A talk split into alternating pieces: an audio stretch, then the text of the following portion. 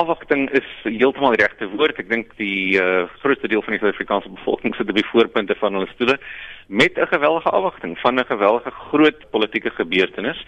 En ek dink in 'n sekere sin is dit 'n baie belangrike ding vir die land en ons weet daar is 'n baie hoë vlak van politieke belangstelling, maar hier is nou 'n spesifieke gebeure waarvan die die uitkomste 'n groot implikasie vir die land sou hê. En ek dink dit is in 'n sekere sin 'n goeie teken vir demokrasie. Hoe word hierdie situasie deur toekomskundiges benader?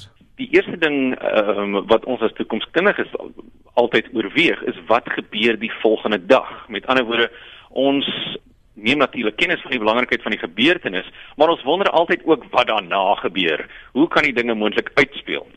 En nou goed, dan kan 'n mens altyd uh, in ag neem dat in hierdie geval is een van twee moontlikhede uh, natuurlik die geval. Ehm um, en die vraag sou wees uh, watter een sou dalk beter wees vir die demokrasie? Uh, sou dit beter wees eerstens indien ons die uitkoms sou hê dat meneer Zuma wel die mosie van mosie van wantroue oorleef of dat hy dalk dit nie oorleef nie. Watter een sou beter wees vir demokrasie? Hoekom is dit 'n interessante vraag? Want ek dink in die eerste plek sou baie mense dalk redeneer dit sou outomaties beter wees as meneer Zuma dit nie oorleef nie. Die teenargument is dat dit natuurlik 'n bietjie onstabiliteit sou veroorsaak in die land, maar ek dink meeste mense sou redeneer die onstabiliteit sou korttermyn wees, as hulle 'n bietjie opportunisme wees in die finansiële markte en dan binne so 'n paar weke dink ek daar sal 'n soort van algemene opswaai wees. Maar wat is die waarskynlikheid dat hy dit sou oorleef? Terwyl daar vooraf groot aandrang op 'n geslote stemming was, veral uit oppositiegeleedere, sê Mostert dit is nie altyd in die beste belang van kiesers nie. Want dan kan die burgers van die land natuurlik nie uitvind hoe hulle parlementariërs gestem het nie. En in 'n sekere sin sou dit eintlik ondemokraties wees. So ons het hier te maak met 'n bietjie van 'n komplekse dilemma en gewoonlik kry mense in hierdie van groot gebeurtenisse dat dit jou nuwe vrae laat vra oor die aard van die demokrasie. Daar word gesê 'n kat het 9 lewens. President Zuma het nou al 7 van hierdie mosies van wantroue teen hom oorleef. Ek dink dit is moeilike tye vir die man in die stoel.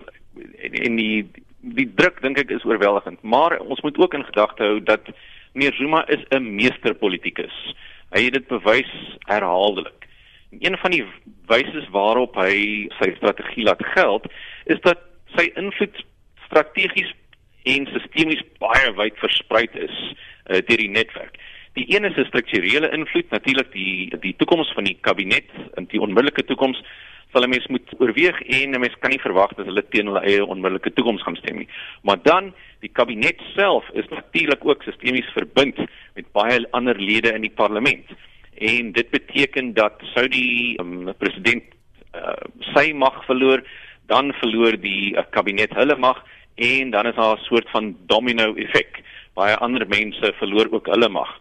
So dit is eintlik moeilik om ons te verbeel dat uh, dat hierdie domino's so een na die ander gaan val. Dit uh, voel of dit dalk net 'n bietjie te eenvoudig sou wees. Uh, daarom sou mense vermoed dat dit dalk nie gaan gebeur nie. Wat gebeur met die siege as jy wil van die mense wat gehoop het op 'n bepaalde uitkoms van hierdie stemmery? Ja, dit is baie interessant. Ek ek dink die die een interessante implikasie van jou vraag is wat die meerderheid verwag en van watter meerderheid praat ons. Ek dink as ons praat van 'n uh, soort van stedelike meerderheid dan is hulle verwagting, miskien selfs hulle hoop dat meneer Zuma nie die die stem sal oorleef nie. Maar daar is natuurlik uh, miljoene ander mense wat wel hoop dat hy dit wel oorleef. Eh, en, en ons het hierdie soort van duisterheid in die antisipasie gesien met met Brexit en Trump en so aan. En, en ek ek dink een van die dilemma's is die mense wat die meeste media verteer is nie noodwendig altyd 'n weerspieëling van mense se gevoel op die grond nie.